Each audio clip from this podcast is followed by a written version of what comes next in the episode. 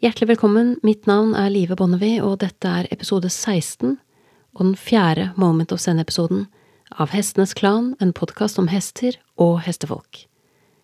I denne episoden skal du få et eksempel på hva hestene driver med, mens vi ikke følger med.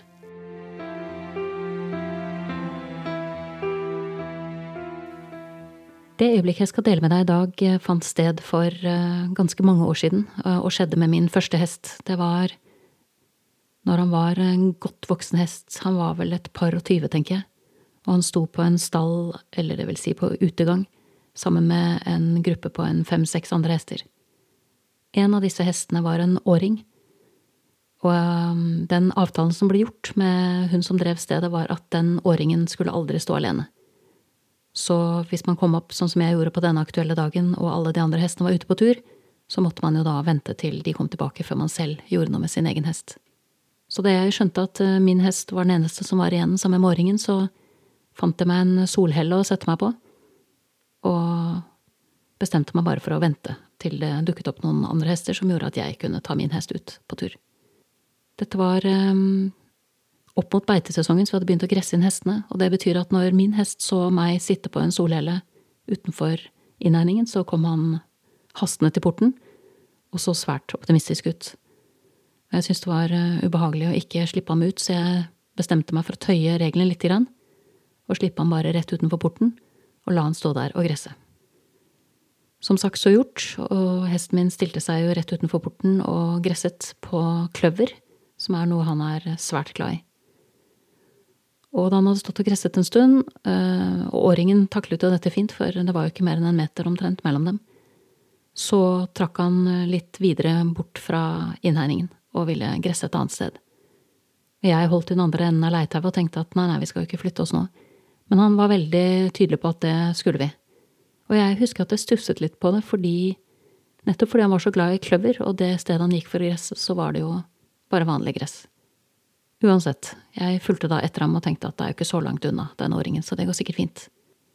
Og mm, da fikk jeg jo et lite eksempel på denne separasjonsangsten som det var påstått at han hadde for han ble veldig urolig når hesten min fjernet seg fra innhegningen. Men det var jo ikke mange meterne, fire–fem meter kanskje. Så ble hesten min stående der og gresse en stund, og så gikk han tilbake og gresset litt mer på kløveren. Og så gikk han tilbake til gresset igjen, og jeg syntes han var ganske masete, for normalt så, så, har han ikke tid til å forflytte seg så mye så tidlig i sesongen, da har han egentlig bare fjeset rett ned i gresset, og så blir den der, eller rett ned i kløveren i dette tilfellet. Men denne dagen så var han veldig flyttbar i forhold til hva som var normalt, så jeg merket meg bare det. Så dette pågikk en stund, han eh, flyttet seg egentlig litt sånn frem og tilbake i mye større grad enn det jeg har vært vant til. Og når han eh, kom litt for langt bort fra innhegningen, så ble jo åringen stressa. Og da prøvde jeg å lokke han tilbake, men han lot seg ikke lokke, egentlig. Han eh, ville stå der og spise, og var egentlig mye mindre oppmerksom på mine signaler og min kommunikasjon enn det jeg var vant til, så det ble jeg litt i stussa, og så bestemte jeg meg for å legge leietauet over ryggen hans og gå litt unna, og prøve å få litt overblikk over hva det var som foregikk, for jeg skjønte at det var noe. Og det som foregikk, det viste seg å være at hesten min bisto den unge hesten med å skjønne hvordan man takler å være aleine.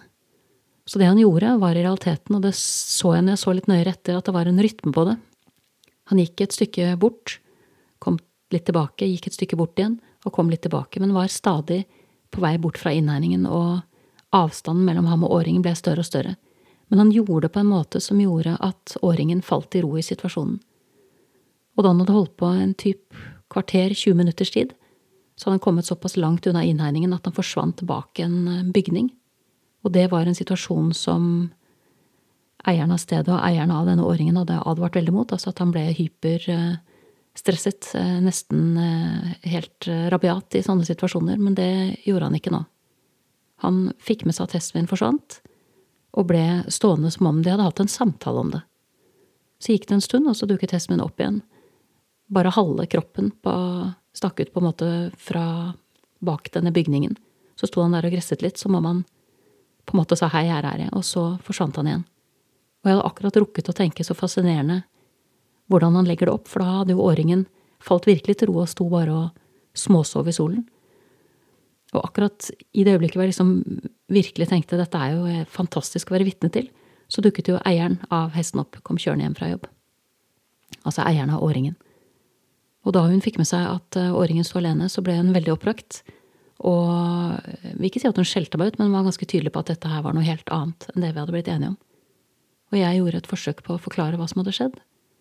Altså at hesten min hadde gjort et stykke arbeid for hesten hennes. Men det øret ville hun ikke høre på. Hun var først og fremst bare oppbrakt.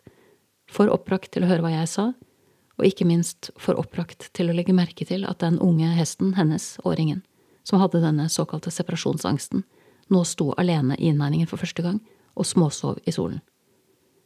Dette øyeblikket lærte meg to viktige ting. Det ene er at det er ikke alltid noe vits i å prøve å forklare folk ting de ikke er klare for å høre. Og det andre er at slike øyeblikk mellom hestene er der stadig vekk, men de er veldig langsomme. Så hvis man blir for effektiv og for full av sitt eget, så går man glipp av dem. Du har nettopp hørt episode 16 fra Hestenes Klan, en podkast om hester og hestefolk. Takk til min faste komponist Fredrik Blom, og sist, men ikke minst, takk til deg, kjære lytter, for tålmodigheten.